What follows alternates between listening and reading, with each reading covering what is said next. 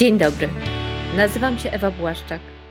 Na co dzień pracuję z liderami i zespołami, pomagam im budować współpracę i osiągać cele.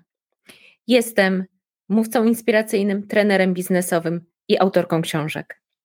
Mówmy do siebie jak ludzie to przestrzeń, którą stworzyłam, byśmy uczyli się budować pozytywną komunikację między ludźmi, wolną od toksyn komunikacyjnych, w myśl hasła nie trwoń tlenu na toksyny. Uczymy się tu, jak tworzyć komunikację, która leczy, a nie rani, która dodaje skrzydeł i pozwala budować super relacje, zarówno w pracy, jak i w życiu prywatnym.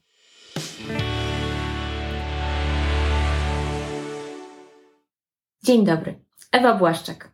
Odcinek 16. Nie krytykuj. Przede wszystkim chciałam przeprosić, że mnie tu troszkę nie było. Obiecałam, że będzie odcinek co wtorek, a tu nici, proszę Państwa. Natomiast powody dlatego są dobre, dlatego że po prostu mam tyle pracy, tyle warsztatów, tyle wystąpień, tyle wykładów, że się na zakrętach, ale w bardzo pozytywny sposób nie wyrabiam. Ale już pędzę z kolejnym odcinkiem, odcinek 16 właśnie o krytykowaniu. Proszę Państwa, krytykowanie jest jedną z toksyn komunikacyjnych. Jest oznakiem tego, że w naszej głowie odpalił się gadzi mózg, odpalił się na walkę. Krytyka jest walką z drugim człowiekiem, jest negatywnym, negatywną reakcją na jego postawy, na jego zachowania, na to, E, co, czym, co sobą człowiek reprezentuje. Nie należy myśleć krytyki z informacją zwrotną. Proszę Państwa, informacja zwrotna to jest zupełnie coś innego. To jest pokazanie człowiekowi kierunku do rozwoju. To jest co innego. Krytyka z definicji jest walką, jest negatywna jest uderzeniem w drugiego człowieka. Nie tyle pokazaniem, jakich zachowań nie akceptujemy, jakich postaw nie akceptujemy, natomiast jest uderzeniem, jest atakiem i dlatego nie jest konstruktywne i dlatego jest jedną z toksyn. Proszę Państwa, skąd w nas w ogóle bierze się krytyka? Otóż bierze się z lęku. Bierze się z lęku, jak wszystkie mechanizmy obronne my boimy się. Boimy się tego, że ktoś przychodzi i narusza nasze granice, narusza nasz światopogląd, ma inne zdanie na dany temat i krytykujemy. Jeden z psychologów stwierdził, że krytyka jest najbardziej miarodajną formą auto, yy, nie autopromocji, tylko yy, autobiografii. Krytyka jest formą autobiografii. Jak to? Jak to krytyka jest formą autobiografii? Przecież krytykuję to, co mi się nie podoba. Otóż, proszę Państwa, właśnie bardzo często jest tak, że krytykujemy to, z czym sami mamy problem. O, jej dzieci w ogóle się nie uczą, powinna być bardziej konsekwentna. To niestety bardzo często jest e, dowód na to, jeżeli ktoś tak krytykuje, to jest dowód na to, że albo sam nie potrafi okiełznać swoich dzieci, albo ma problemy z kontrolą i ma przerost kontroli i przesadza z dyscypliną w domu. Tak czy siak, jest to forma autobiografii. Jak często krytyka wynika z faktu, że, że, ta że coś, co widzimy u innego, nas jakoś mierzi. Na przykład, ktoś sobie wybudował nowy dom. My byśmy też chcieli nowy dom wybudować, ale trochę zazdrościmy tej osobie, ale się boimy wybudować e, tego, tego domu, bo boimy się e, tego, że sobie nie damy rady, że nas nie będzie stać, że wpędzimy się w kredyty i tak dalej, i tak dalej. Więc co? Krytykujemy tego drugiego człowieka, żeby zdyskredytować pomysł żeby samemu sobie udowodnić, że to jest głupie, to jest nie tak, nie powinnam nawet budować, nawet nie powinnam myśleć o budowie domu. I a, bez sensu, po co, po co mu taki do, duży dom na starość? Dzieci odejdą i potem się będzie męczyć z takim wielkim domem. Jeszcze kredyt będzie miał na, na karku. A co, jak straci pracę? A, no on już jest po 40, to teraz to nie jest tak łatwo y, znaleźć nową pracę, jak się ją straci. Także to bez sensu, bez sensu. Dlatego krytykujemy. Krytyka jest formą autobiografii. Następny raz, kiedy tobie albo mi wymknie się, usłyszysz sam, że ty krytykujesz, to pomyśl sobie o tym. w co takiego czułego, w, jaką, w jaki czuły ton uderzyła, uderzyła ta druga osoba, którą krytykujesz? Co, z czym sam, sama masz problemy, które powodują, że masz ochotę w akcie samoobrony skrytykować tę drugą osobę? Czego się boisz? Proszę Państwa, kolejnym powodem, że krytykujemy jest chęć posiadania racji. Wielokrotnie mówiłam już w tym podcaście, jak ważne jest dla człowieka poczucie przynależności do plemienia, poczucie wartości w tym plemieniu, w społeczeństwie. To jest podstawowa potrzeba człowieka. I teraz, jeżeli ktoś ma inne zdanie niż ja, to de facto podważa moją wiedzę, podważa moje opinie, podważa mój światopogląd. I to jest wystraszające. To nas często przeraża. A przecież tak bardzo chcemy mieć rację, chcemy wierzyć, że to, co widzimy, to jak myślimy, jest słuszne, że mamy wiedzę o tym świecie, że wiedziemy, wiemy, jak się ten świat kręci. Chcemy mieć rację. Ale Urszula Dudziak mawia bardzo często, kiedy mówi, że ona nie kłóci się ze swoim mężem, bo ona woli być szczęśliwa niż mieć rację. Proszę Państwa, czy chcemy być szczęśliwi, czy chcemy mieć rację? Oczywiście czasem ta krytyka e, jest uzasadniona w tym sensie, że mamy argumenty, ale bardzo, bardzo często nie jest on zupełnie potrzebna. To znaczy, nikomu nic nie daje i ta nasza racja, że tak powiem, możemy sobie nią pokój wytapetować. Nie daje nam nic, tylko często e, niszczy relacje z drugim człowiekiem, bo krytyka boli, bo krytyka, jeszcze raz, jest formą walki z drugim człowiekiem. Proszę Państwa, zastanówmy się nad tą krytyką. Czy ona nam jest ciągle potrzebna? Skąd ona się bierze w sensie takim, dlaczego, dlaczego tyle jest tej krytyki w nas? Dlaczego ja tak bardzo często po, poruszam, przywołuję ten przykład, że, że kiedyś yy, uczestniczyłam w spotkaniu zespołu kontrolingu i ten zespół kontrolingu użył krytyki 58 razy na 60 minut. W ciągu 60-minutowego spotkania skrytykowali siebie wzajemnie na spotkaniu, ten zespół kontrolingu, 58 razy. I dziwili się, że nie, nie potrafią szybko podejmować decyzji. Proszę Państwa, ta krytyka to, że jej jest tak dużo, wynika z tak zwanego negative bias, czyli negatywnego odchylenia w naszym mózgu. Nasz mózg został tak, tak ukształtowany, żeby chronić nas przed realnym zagrożeniem. Przypomnę, ta wersja oprogramowania, którą mamy w mózgu, została nam w, y, y, uploadowana 250 tysięcy lat temu, circa about. I ta wersja miała nas chronić przed realnymi zagrożeniami, takimi jak tygrys szablozębny. Dlatego wyposażeni jesteśmy w taki skaner, yy, skaner zagrożeń. Skaner zagrożeń, dlatego nasz mózg wyłapuje znacznie więcej elementów negatywnych z otoczenia niż pozytywnych, bo te negatywne bardzo często kiedyś wiązały się z realnym zagrożeniem życia. Stąd widzimy te dziury w całym, jak się popularnie mawia. Jesteśmy tak zaprogramowani. Niektórzy są zaprogramowani w ten sposób bardziej niż inni.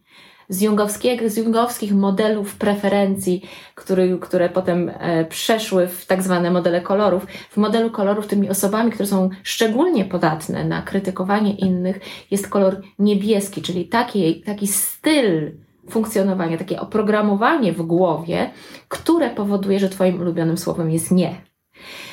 Ludzie, którzy mają to oprogramowanie, to są tak zwani analitycy, czyli osoby, które mają krytyczne mózgi, które, które widzą świat systemowo i, i są przygotowane do tego, żeby jak najlepiej wyłapywać ryzyka. Stąd te osoby widzą świat właśnie w takich negatywnych kolorach. To znaczy, to znaczy od razu widzą, co nie działa, od razu widzą, co by skrytykować, od razu widzą, co jest nie tak.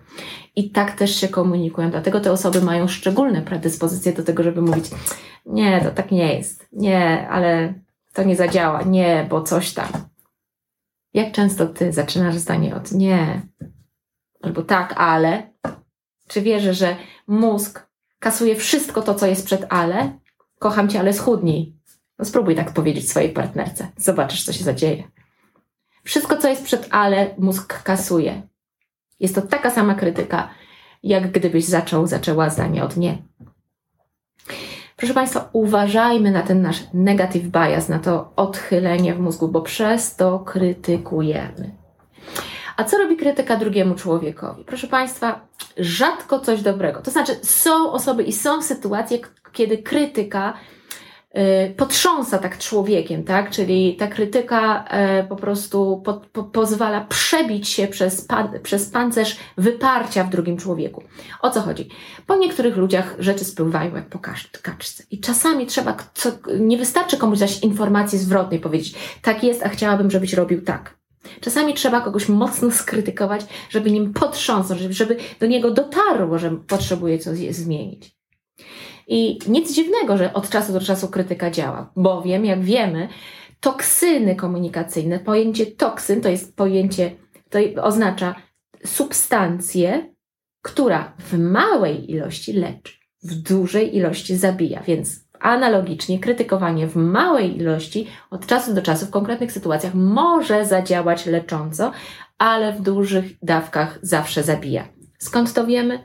Profesor Gottman e, udowodnił, że jeżeli ilość negatywnych komunikatów do pozytywnych komunikatów w małżeństwie jest poniżej 0,8, Wówczas biegnij po papiery rozwodowe. Duża ilość krytyki, duża ilość toksyn zabija relacje.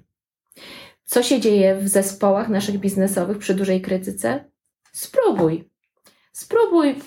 E, ja robię takie ćwiczenie często na szkoleniach z komunikacji, że robimy takie ćwiczenie, gdzie wybieramy kogoś, kto będzie liderem, kto będzie próbował ustalić, do, dokąd grupa szkoleniowo pojedzie na wspólny wyjazd integracyjny. Lider rzuca pomysły, a zadaniem reszty uczestników jest zbijać te pomysły krytyką i innymi formami toksycznej komunikacji. No to nie, to nie ma sensu, nie, to za daleko, ale bez sensu, tam są komary, tu jest zimno. Krytyka, krytyka, krytyka.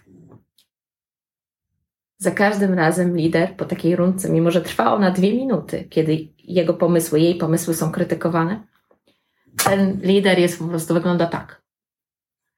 Po prostu to, co się dzieje, to to totalny drenaż energii. Totalny drenaż energii. Jeżeli Twoje pomysły są krytykowane, to po prostu Ci się nie chce dalej wymyślać rozwiązań. Nie masz energii do konstruktywnej dalszej rozmowy. Nie masz siły. Twoja kreatywność jest po prostu zabijana. Proszę Państwa, w organizacjach, w których chcecie wdrożyć kulturę innowacyjności, kulturę proaktywności, kulturę odpowiedzialności, po prostu zapomnijcie o krytykowaniu, dobrze? Po prostu zapomnijcie, bo tam, gdzie jest krytykowanie, ludzie zamykają się w sobie. Ponieważ nikt nie lubi być krytykowany, bo, ponieważ krytyka zabija w nas pewność siebie, zabija w nas nie tylko pewność siebie, ale entuzjazm do tworzenia kreatywności. Fizycznie też uruchamia w nas krytyka, ciało migdałowate, czyli naszego gada, nasz gadzi mózg, który zaczyna się zamiast tworzyć rozwiązania, bronić. I samym nam się od, odpala. Albo my krytykujemy w drugą stronę, albo stosujemy postawę obrony, albo cokolwiek innego. Tak czy siak, nie jest to efektywne. Pomyśl sobie, jak krytyka działała w szkole na ciebie, kiedy dostawałeś, dostawałaś wypracowanie całe czerwone. Może nie dostałeś nigdy całego czerwonego wypracowania, ale nawet jeżeli ty osobiście tego nie doznałeś, nie doznałaś, to na pewno widziałeś takie wypracowanie i minę tego ucznia, który dostał takie wypracowanie. No to nie podnosi na duchu, ani nie dodaje nikomu skrzydeł. Proszę Państwa, ograniczajmy tę krytykę. Ograniczajmy tę krytykę, bo ona podcina skrzydła, bo ona rujnuje relacje, bo powoduje, że że rujnujemy coś, co jest warunkiem koniecznym efektywnej współpracy, czyli bezpieczeństwo, poczucie bezpieczeństwa. Jeżeli ja mam ryzyko, że na spotkaniu biznesowym, jak tylko rzucę pomysł, to mi go od razu skrytykują, to ja nie będę rzucać tych pomysłów. Po prostu nie będę. Nie będę się przyznawać do błędów. Nie będę. I zapomnijcie o efektywnej współpracy. Nie krytykujmy. Czy wolisz mieć rację, czy wolisz mieć szczęście i efektywną współpracę? Wybór zawsze należy do Ciebie.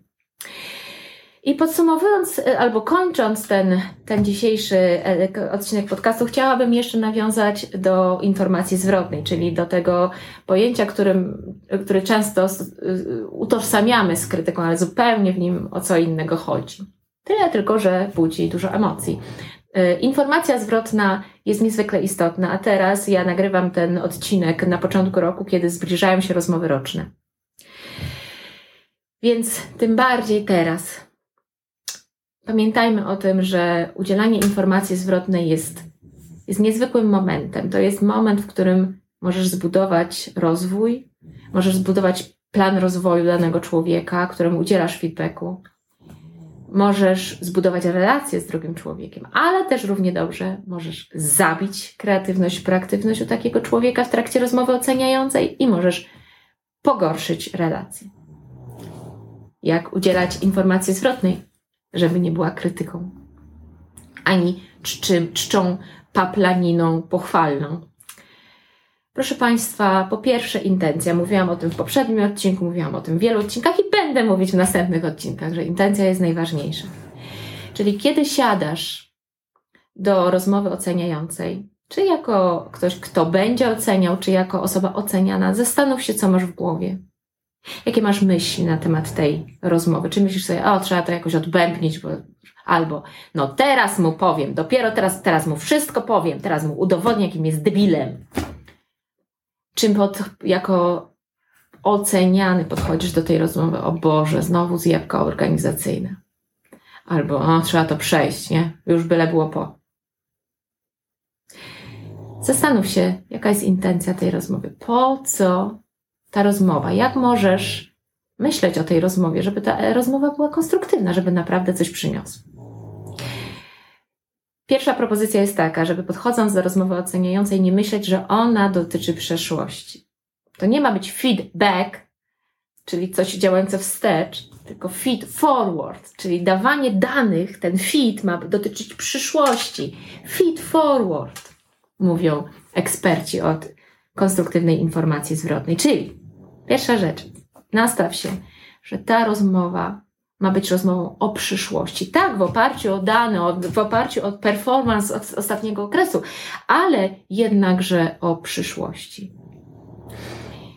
To ma być roz, rozmowa nie o tym, co jest źle, ale o tym, jak ma być lepiej. O tym, co zrobić, żeby było lepiej. I do tego bardzo ważne jest bardzo ważne są narzędzia do udzielania informacji zwrotnej.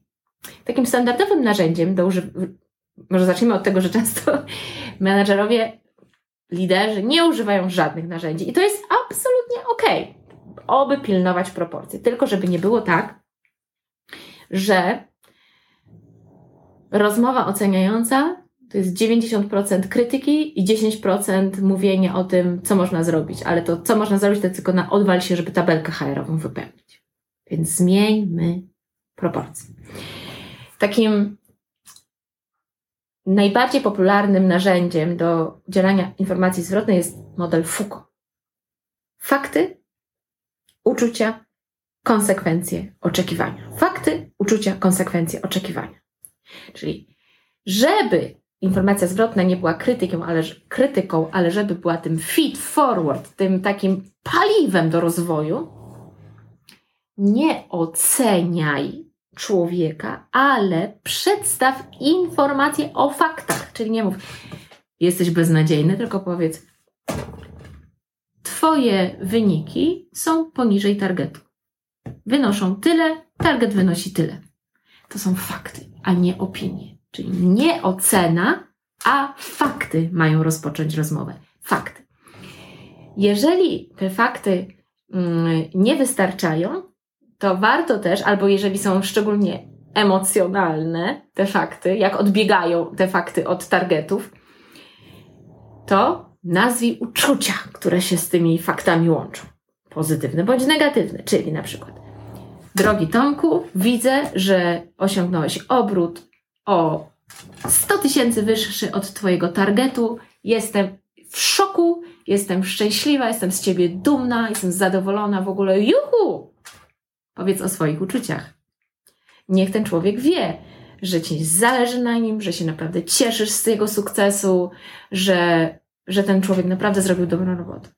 Jeżeli zachowanie Twojego pracownika Cię wkurzyło, powiedz o tym. Tomku, Twoja postawa jest niezgodna z naszym zestawem wartości. Nie uczestniczyłeś w spotkaniach, wiecznie się spóźniałeś, nie przedstawiłeś żadnej inicjatywy e, innowacyjnej w, w tym w kwartale. Jestem rozczarowana. Jestem po prostu rozczarowana, smutna i w ogóle nie wiem, co z tym wszystkim zrobić. Uczucia. Pokaż też pracownikowi konsekwencje jego działań. Nie osiągnąłeś targetu swojego, w skutkiem czego cały zespół nie osiągnął targetu, w skutkiem czego nie otrzymujemy premii jako zespół. I tyle. No i oczekiwania. Co chcesz, żeby było na przyszłość? Proszę Państwa, jak widzicie, ten model no jest jakiś tam w miarę dobry, no bo on już nie ocenia, już nie ma tu krytyki, tylko są fakty, są uczucia, y, są skutki, y, są konsekwencje, są oczekiwania, więc w miarę okej, okay. ale dalej, zobaczcie, jeżeli chodzi o proporcję zajmowania się przeszłością do, do proporcji zajmowania się przyszłością, to jest 3 do 1. Trzy elementy tej rozmowy dotyczą przeszłości. Fakty o przeszłości, uczucia dotyczące przeszłości i, i konsekwencje dotyczące przyszłości. I tylko jeden punkcik malutki na koniec oczekiwania. I to najczęściej te oczekiwania ograniczają się do powiedzenia: no ogarnij się, hopie. Dlatego ja nie lubię tego modelu i proponuję Wam inny. Mój mod model, który promuję wszędzie, ponieważ jestem jego autorką i wdrożyłam go nie tylko u siebie, nie tylko w firmie, którą zarządzałam, ale u setek, jeśli nie tysięcy już liderów i pracowników, z którymi pracuję na co dzień. To jest model GPS. Jak działa nawigacja GPS? W pierwszym punkcie ustal na faktach, bo GPS jest, to jest narzędzie, ono nie działa na przypuszczeniach, pomówieniach i plotkach. GPS potrzebuje faktów, więc ustal, gdzie jest pracownik. Tomku, Taki jest Twój target, tyle osiągnąłeś, takie są oczekiwane postawy w naszym zespole, a Twoja postawa była taka. Fakty. I teraz uwaga, koniec na temat rzeczywistości. Oczywiście możesz, możesz, zapytać, możesz Cię porozmawiać do tej rzeczywistości. Tomku, jak Ty to widzisz, skąd się to wzięło, dlaczego się tak stało? Ok, ale to jest jeden punkt. Pierwszy punkt w GPS-ie. Gdzie jesteśmy? Bieżąca lokalizacja. I co? Na rozmowie oceniającej zgodnej z GPS-em komunikacyjnym, od razu pędzimy do przyszłości. Mówimy, na przyszłość ja mam dla Ciebie takie cele, takie oczekiwania. Jak Ty to widzisz? Jakie Ty masz dla siebie cele, oczekiwania? Jakby to mogło wyglądać? Jakie cele dla Ciebie ustalimy? Jaki efekt chcemy, żebyś osiągnął? Zobacz, od razu przechodzimy z realiów, z przeszłości na przyszłość. Gdzie chcesz dojechać, pracowniku? To mnie interesuje na rozmowie oceniającej. Nie krytykowanie, nie ględzenie o przeszłości, nie po prostu rozmawianie o rozczarowaniach, nie o rozczarowaniu. Było, minęło, mleko się wylało, jedziemy do przodu. Trzeci punkt. Droga pomiędzy tu jesteś, Tomku, a tu chcemy, żebyś dojechał droga, czyli dyskutujemy o rozwiązania, czyli jak tam dojedziesz, jak te cele osiągniesz, jak te postawy zmienisz. Plan, plan, plan, plan, plan działania. Znowu na przyszłość. Bomba. Działanie, przyszłość. To, to jest to, co otwiera korę mózgową, otwiera kreatywność, otwiera współpracę, otwiera racjonalne myślenie, otwiera możliwość podejmowania decyzji, a nie siedzenie w przeszłości, w gadzim mózgu, w konsekwencjach, w utyskiwaniach. Gdzie jesteś? Gdzie masz dojechać? Jaka droga cię prowadzi? I na koniec GPS trzeba włączyć, włączyć, zrobić start. Na rozmowie oceniającej nie zapomnij o starcie. Co to jest start? Ustal, ustal z pracownikiem, jaki będzie jego pierwszy krok, żeby przeszedł od, od miejsca, gdzie jest, do miejsca, gdzie ma się znaleźć. Proszę Państwa, to jest super rozmowa oceniająca. I pamiętaj, oczywiście w tej rozmowie oceniającej będą rzeczy, które na plus, będą rzeczy na, na minus ale proporcje, proporcje będziemy mówić jedną tam czwartą czy piątą o teraźniejszości, przeszłości, a reszta, cztery piąte rozmowy powinno skupić się na przyszłości, na działaniach, na rozwoju, na pozytywnej zmianie, na konstruktywnym wymyślaniu kreatywnych rozwiązań. I tego sobie i Państwu życzę. Życzę Wam dobrych, owocnych rozmów oceniających, bez toksyn komunikacyjnych, bez krytykowania, za to z GPS-em komunikacyjnym, który doprowadzi Was do wymarzonego celu. Dziękuję za dziś. Zapraszam, mam nadzieję, za tydzień we wtorek. Jeżeli tylko będę miała czas, żeby nakręcić kolejny odcinek, ale na pewno w końcu nakręcę. Dziękuję. Dziękuję, że jesteście, dziękuję, że oglądacie. Lajkujcie, szerujcie. Ewa Błaszczyk.